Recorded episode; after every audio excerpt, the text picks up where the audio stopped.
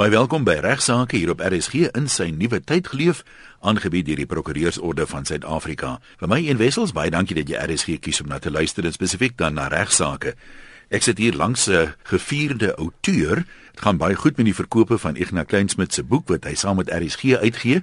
Nou lê die, die uitgewers daarvan en die boek se naam is Wat sê die prokureur? Regsake wat jou raak wat 'n lekker praktiese raad is, ook voorbeelde van 'n paar ooreenkomste, 'n saamboonooreenkomste, huiswerkersooreenkomste onder andere daarin. Ek het dan in die verlede gesê om moeilike goed te verduidelik dat dit eenvoudig klink, is nie maklik nie en ek dink jy het in die boek baie goed daarin geslaag. Ek weet nie hoeveel nog by die boekwinkels is nie, hy sal seker plek plek uitverkoop wees, want hy het hulle 'n paar keer herdruk. Maar hier gaan ek nou vir jou 'n nommer gee waar jy die boek kan bestel. Maak nie saak waar jy is nie, dan lewer hulle hom by jou af as jy nie naby 'n boekwinkel is nie. Die nommer is 083 409 6751. As jy jy soek 'n kopie van wat sê die prokureur regsaake wat jou raak wat Naledi uitgewers uitgee. 083 409 6751. Dion Meyer moet maar besop voor. ja, nee. Nee, maar uh, da, dit gaan goed met die verkope van die boek uh, en hy is by die meeste boekwinkels kan jy hom ook bestel. Uh, ek sien hy's hy's uh, tot onlangs nog een van die beste verkopers gewees. Atsa. Ja, so dit gaan nog steeds baie goed daarmee. Maar baie dankie ook vir ondersteuning en dankie vir die advertensie Jan. Ja, kom ons kyk na ander regsaake wat ons kan oplos vandag hier op die lug. Ja. Ek het 'n kandidaat prokureur daar by ons firma van Vellen Duffy met die naam van Esmarie Logner. Ekskuus, is nou McKellian. Uh en sy het daar skripsie gedoen op universiteit oor die battered woman syndroom. Ek het dit nou maar op my manier vertaal na die foosvernielde vrou sindroom, die VVV sindroom is nou lekker alliterasie. Dit klink vir my reg, dis omtrent hoe 'n mens is as jy 'n battered woman is. Nou uh, ek het gedink om so 'n bietjie vrae gevra om so 'n bietjie vir my iets voor te berei en te kyk na een op die hofsaake ook daaroor want dit is 'n baie interessante verskynsel hoe dit in ons howe gehanteer word. 'n uh, Dr Leonora Walker het in die 70s hierdie konsep van BWS bekend gestel in die FSA en sy het dit gedefinieer as psigologiese en gedragssimptome wat manifesteer as gevolg van voortdurende mishandeling. Hierdie sindroom verduidelik hoekom mishandelde vroue byvoorbeeld nie die verhouding verlaat of hulp gaan soek nie. Maar dis eintlik die sindroom se. Ek vat die slaa aan mekaar. Vir jare lank word ek foos verniel en ek word mishandel. Uh nie net natuurlik fisies nie, maar ook psigies en en, ek is te bang om te gaan kla. Ek doen niks daaraan nie. Daar's 3 fases sê sy waardeur so 'n mishandelende verhouding gaan. Die eerste fase word gekenmerk deur die spanning wat opgebou word. Dis byvoorbeeld wanneer daar verbale of minder fisiese mishandeling plaasvind. Tydens die tweede fase word hierdie mishandeling ernstig, veral fisies. Uh maar ook andersins. Dit word dikwels gekenmerk as 'n uitlating vir al die spanning wat tydens die eerste fase opgebou het. Dan die derde fase stel bekend snaaks genoeg as die witbrood, die honeymoon phase. Die witbrood fase, tydens hierdie fase is die mishandelaar verskriklik jammer oor wat hy gedoen het. Hy bieg en hy vra om verskoning en hy soebat en smeek om genade, want hy weet ons almal, hy sê elke keer sal dit nooit weer doen nie. En hierdie mishandelde vrou glo dit elke keer. Hulle vier dit en is wonderlik vir 'n dag of 3 en dan weet ons almal, dan volgende keer is dit net erger. Dis die vierde fase. Volgende keer is dit net erger. In in môreoggend Sobat hy weer om genade terwyl hy na die blou oë en die opgeswelde wange en die goed kyk en besef wat hy gedoen het en oormôre is dit maar weer sulke tyd. En ek dink ons almal het ondervinding daarvan in die sin dat ons iemand ken, 'n familielid, 'n vriendin ja, wat daardeur ja, gaan. Ja, ja, ja. Dikwels probeer dit wegsteek, maar dit soos jy dit nou beskryf het, daar's amper nie uitsonderings nie. Hier en daar, maar dit is die norm. En jy kry net maar die prokureurs wat uh, nou luister wat weet hiervan sal vir jou sê dit gebeur as mense eskerings praktyk het soos ek dan gebeur dit so gereeld soos klokslag dat daai vrou kom in. Jy kan sien fisies dat sy's van alle persoonlikheid gestroop. Fisies jy sien hoe lyk sy? Jy kan sien die merke, die kolle. Jy weet onmiddellik hier is 'n mishandelde vrou. En dan sal sy met jou kom gesels en verduidelik jy vir alle regte. Maar jy weet ook al klaar sy gaan nooit weer kom nie. Sy het nie die moed. En dis die groot vraag is, die vraag op almal se lippe in hierdie sindroom is, hoekom hierdie mishandelde vrou nie die mishandelaar verlaat nie? Hoekom sy nie polisie toe gaan nie? Hoekom gaan kla sy nie? En Walker argumenteer die teorie van learned helplessness wat sy dit noem is aangeleerde hulpeloosheid moontlik die vraag verklaar beantwoord. Volgens hierdie teorie glo die vrou dat daar niks is wat sy omtrent daardie situasie kan doen nie, dan word sy heeltemal passief. Is nie net vrees nie, is ook 'n learned helplessness. Dis nou maar my lewe. Ja, maar ek moet dit nou maar vat en ek kan niks daaraan doen nie. Want hierdie groot sterk monster, sy sal ook weer kom en sê, "Man, my man sê prokureurs kan niks aan hom doen nie." Jy weet, dis altyd vir jewe bo die Ja, en hy ken ander mense en alles en hy hy sê hy, hy altyd net te slim vir almal. Jy sal kaal hier uitstap. Ek vat die kinders die huis, jy sal niks kry. Ja, nou die vraag is wat of hierdie BWS, Better Woman Syndrome of of, of soos ek sê Foos vernielde vrou sindroom. Ek weet nie regtig wat die Afrikaanse uh, behoorlike vertaling is. vertaling. Ja. Uh of dit in Suid-Afrika erken word as 'n verweer om opset uit te sluit as ek my man nou gaan vermoor uiteindelik. As ek 'n plan maak uiteindelik. Want jy kry dit gereeld. Op 'n stadium het hierdie vrou as enigste uitweg kies sy die uitweg van 'n moord. En sy besluit vooraf sy gaan moord. Sy wil hom gaan vermoor want sy kan nie meer nie. Dis is al wat sy kan dink as 'n uitweg. Want egskeiding en goeder is sy te bang vir en daar's ander redes. Uh, en dan is die vraag, wat gebeur in hof? Sit te verweer. Suid-Afrika nie. In sonderlike gevalle voel die mishandelde vrou dat dit die enigste uitweg is en gewoonlik maak sy hom dan dood wanneer hy besig is om te slaap. Dit sien jy oorgereed. Die patroon is baie keer dieselfde. Omdat hy dan passief is, na nie kan weer verder aanrand nie, gewoonlik wanneer hy dronk is ook. Die probleem in hierdie situasies is dat daar strafregtelike remedies is vir 'n mishandelde vrou wat 'n man doodgemaak het. Is daar? Nee. Ongelukkig nie werklik nie. Vroue so in hierdie dit sal maar versagte omstandighede wees na die skuldig bevind is. Hulle, maar onthou ons het in Suid-Afrika noodweer. En dan moet ons mooi kyk na die verskil tussen noodweer en hierdie selfe sindroom. Wat is die hoe dit noodweer kan opset uitsluit, maar dit word gedefinieer in ons Suid-Afrikaanse gemeenereg. Kan jy maar sê dit word eintlik gedefinieer as volg: 'n persoon wat 'n slagoffer is, se vereistes dan die volgende die aanval wat sy gehad het. Daar was 'n aanval gewees op sy of haar persoon. In ander woorde is in hierdie geval altyd Ja, so as jy 'n slapende persoon doodmaak, kan dit nie werk. Presies, presies. Die geweld wat gebruik moet word moet genoeg net wees om die aanval af te weer. Uh, die vereiste is dat die aanval moet onregmatig gewees het. So terwyl die man my aanval, anders saak. Die aanval moet gerig wees uh, teen 'n belang vir my, soos my liggaam. Die aanval moet dit se aanvang geneem het of dreigend wees. Die afweerhandeling moet noodsaaklik wees, dit moet gerig wees teen die aanvaller, dit moet 'n redelike balans wees tussen die aanvaller en die afweerhandeling.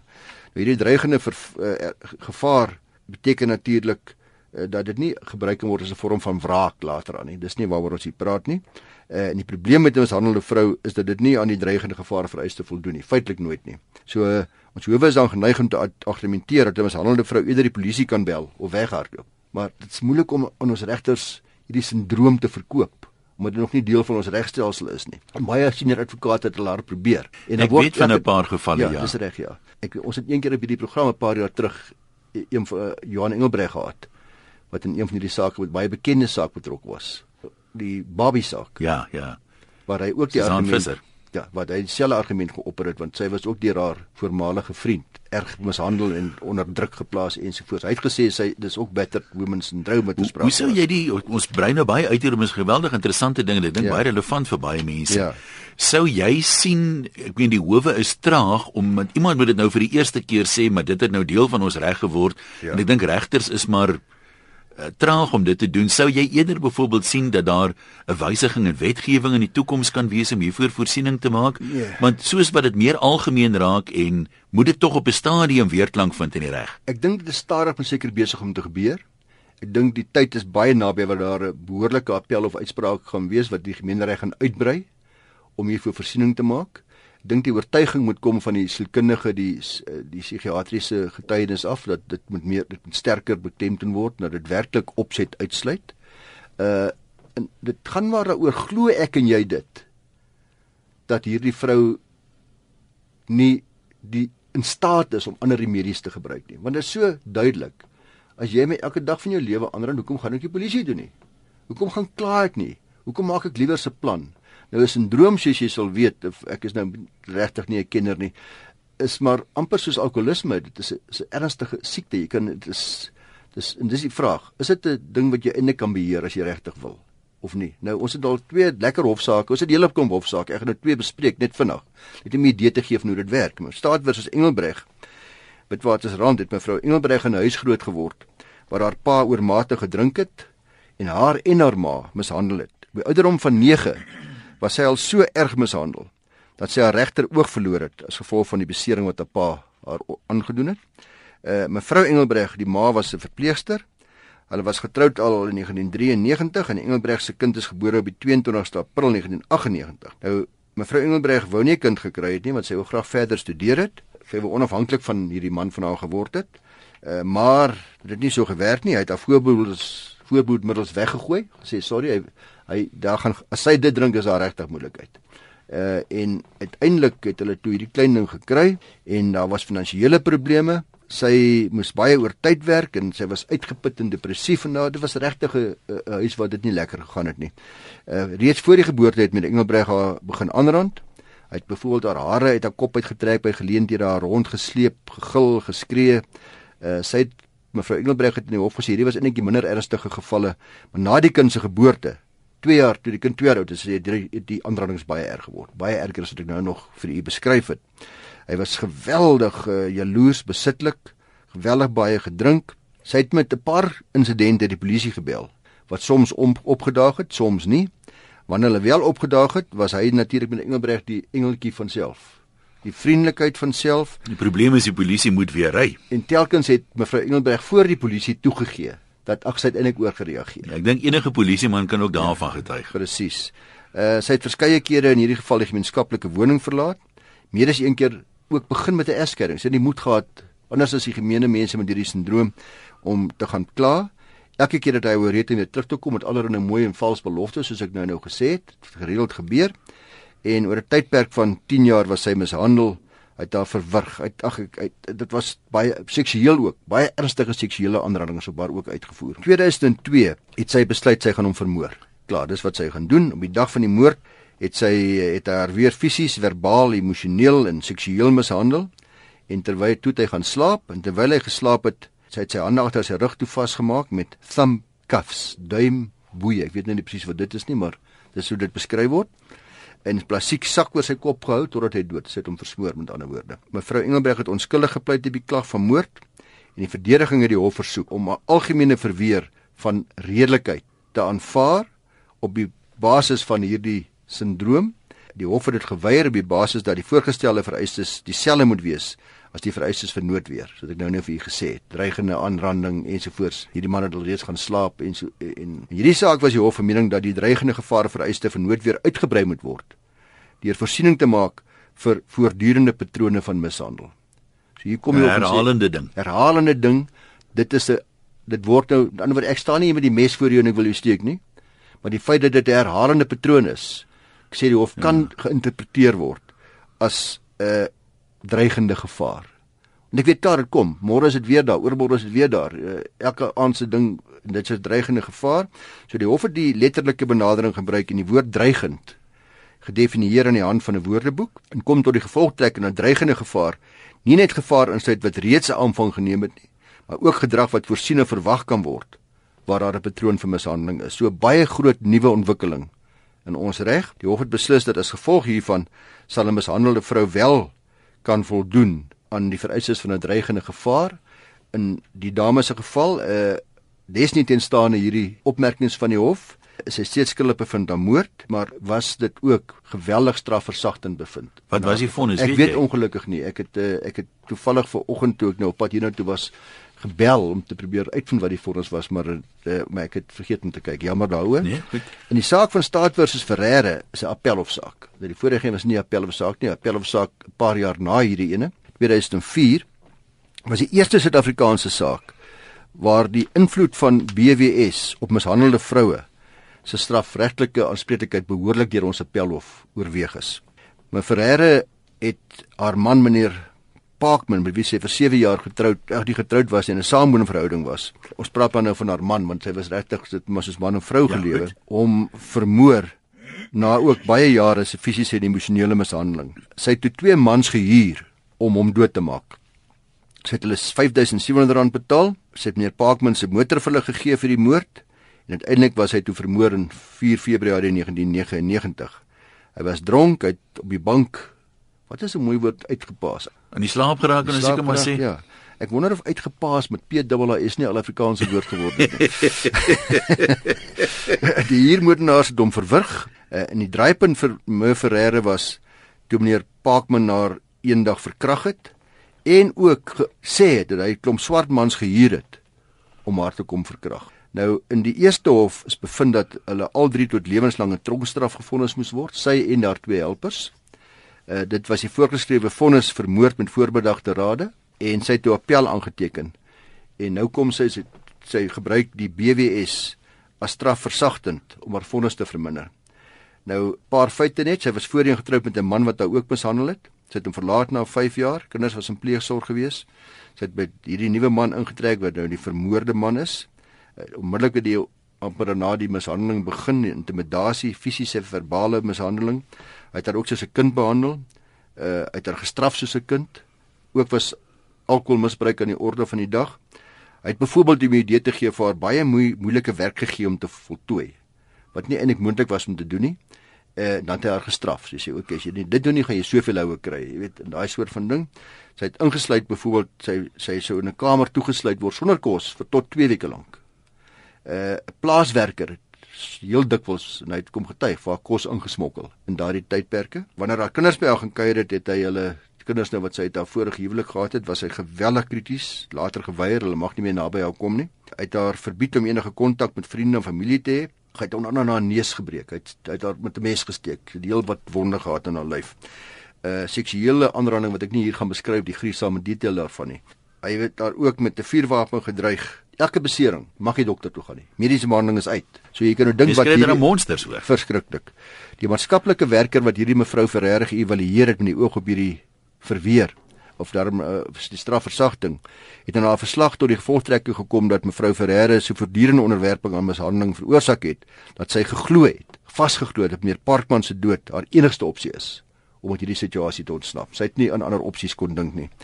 Nou eh, 'n uh, mishandelde vrou luisteraar se afweeshandeling moet gemeet word teen die redelike persoon se afweeshandeling sê die hof, maar in hierdie saak het die hof ook beslis dat dit eerder gemeet moet word teen die redelike mishandelde vrou groot nuwe verwikkeling. In staat versus Engelbreg het uh, die hof ook beslis dat die redelike mishandelde vrou deel is van die redelike persoon toets. So baie belangrik en in hierdie geval soos ek sê was die voorgeskrewe vonnis van lewenslank wat die hof die eerste hof vir gegee het geskraap, tersyde gestel en die hof vervang hierdie vonnis op appel met 6 jaar gevangenisstraf.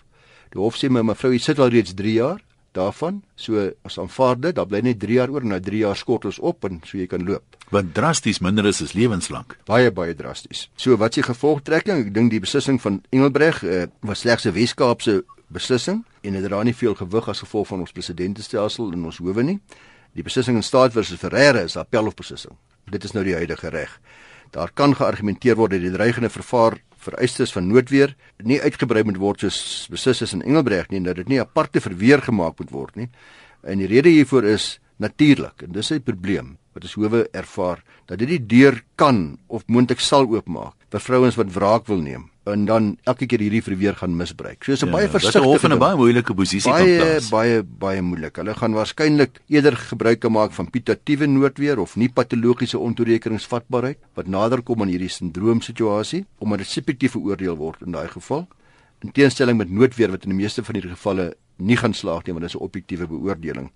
Uh, soos ek hierbo gesê het, uh, word BWS nog steeds nie werklik erken as 'n verweer om opset uit te sluit in Suid-Afrikaanse reg nie. Maar is baie duidelik as jy hierdie twee sake kyk en veral die laaste saak, die Appelhof saak, dat dit 'n uh, baie ernstige strafversagtende invloed het op vonnis uh, en dit bring al hierdie vrouens wat luister en ek weet vandag luister 'n klompie van hulle wat wat weet presies waarvan ons praat, wat dit deurgaan.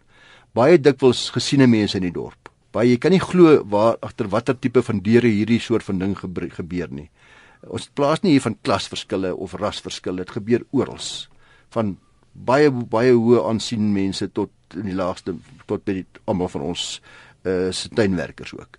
Uh maar ek dink hierdie hierdie saak vorder en uh dit bring mishandelde vroue 'n stappie nader aan erkenning van hierdie sindroom. Ek dink nie ons is ver vandaan van dit af nie. En so tyd verbygaan sal dan natuurlik meer navorsing ook beskikbaar raak en sterker, beter geformuleerde sielkundige evaluerings wat groter gewig sal dra. Ek dink en daar's ook redelike nie-regeringsorganisasies, groepe, georganiseerde groepe wat hulle vir vroueregte beywer wat baie mooi hierna kyk. So omtrent eenmal 'n jaar teer ons op hierdie program jou regte as 'n burger van hierdie land teenoor die polisie. Wanneer die SAP stappe wil neem sonder dat hulle oor 'n lasbrief beskik. Anderswoorde, wat is my regte as 'n SAP as 'n polisieman my endom onregmatig betree of 'n beslaglegging van my eiendom wil maak en ek het 'n uitstekende artikel raakgeloop deur my kollegas Barry Botha en Breitenberg ingelyf en hulle gee 'n goeie opsomming van die regte en verpligtinge in hierdie verband. Artikel sê dat op 'n Vrydagmiddag kom die polisieman by jou huis aan en stel jou formeel in kennis dat hy jou eiendom gaan deursoek en daar 'n wenk ontvang is dat daar byvoorbeeld gesteelde goedere of dwelms in jou huis gestoor word. En dis dan snaaks hoe hierdie goed dikwels op 'n Vrydagmiddag plaasvind. Ek dit weet. Kan nie vir jou sê nie. Ek ek nog strafwerk gedoen het dit is net alles gebeur op 'n Vrydagmiddag. En daar's goeie redes daarvoor. So daar's 'n bietjie stoutigheid daarbey betrokke. Hy dui aan uh, dat hy nie oor 'n lasbrief beskik nie, hierdie polisieman, maar hy sê ook maar maak nie saak nie, ek gaan nou net terugkom as jy meneer as jy nie wil toelaat nie, dan gaan ek maar net gehof toe en kry lasbrief. Dis nie 'n probleem nie. Uh, laat ek nou maar die ding doen.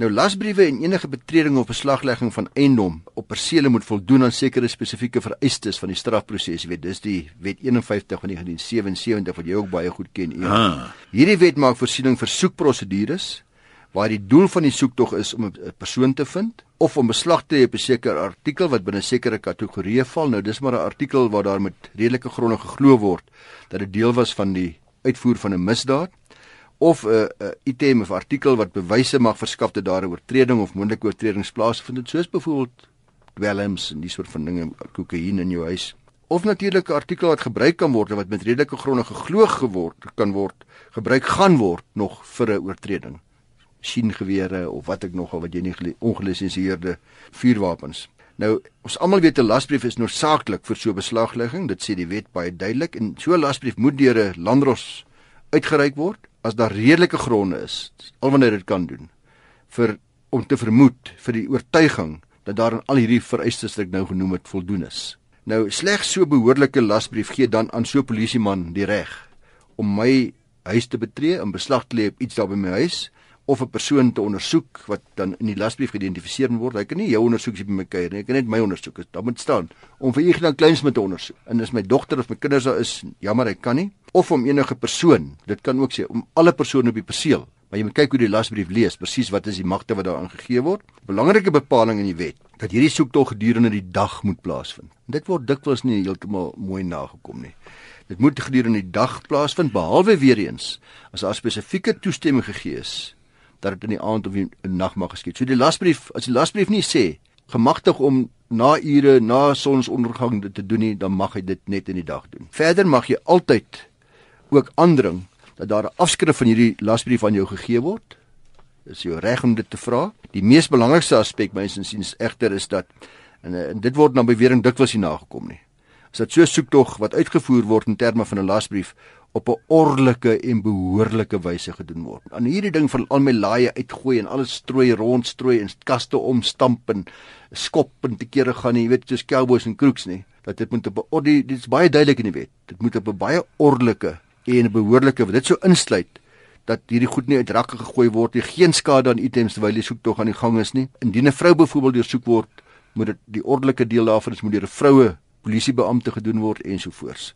Uh, Daar's ook gevalle waar dit voorsien word dat die deursoeking van 'n persoon of 'n perseel sonder 'n lasbrief mag plaasvind. Daar is uitsonderings waar 'n lasbrief nie nodig is nie. Ek gaan net vir die dit is eerstens byvoorbeeld wanneer die betrokke persoon instem tot so 'n soektog. Ek het nou nou gesê hy kan vir jou sê, maar ek gaan 'n lasbrief kry in elk geval. Ek kom net vinnig kyk. Maak dit net vir my maklik. Ek wil net kyk wat in jou motorhuis is.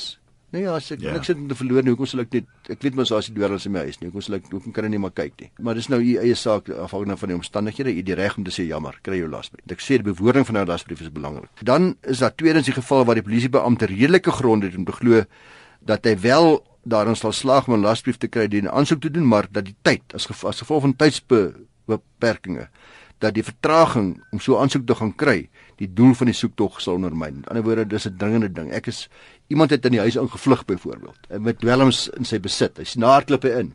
Nou kan hy nie eers 'n lasbrief kry nie want die persoon as hy terugkom oor 'n halfuur of 'n uur, dan is daai persoon ja, weet. So daai soort van dinge, dis wat dringende optrede noodsaaklik is. Derdens, indien 'n polisieman die ondersoek van 'n misdaad vermoed dat 'n persoon wat inligting het raker in daai misdaad wat hy op die oomblik ondersoek. Daai se persoon op die perseel is, kan hy so perseel betree sonder 'n lasbrief met die doel om net daardie persoon te ondervra of 'n verklaring van daardie persoon te kry. Maar weer eens, as dit as daai man in my woning is, my privaat woning, dan moet hy eers my toestemming kry. Sonder toestemming, jammer, kan hy jou nie ondervra nie. dan moet hy maar sy lasbrief gaan kry. Enige polisie beampte wat hierdie reëls soos ek nou vir u verduidelik het oortree, maak hom of haar skuldig aan 'n oortreding sê die wet.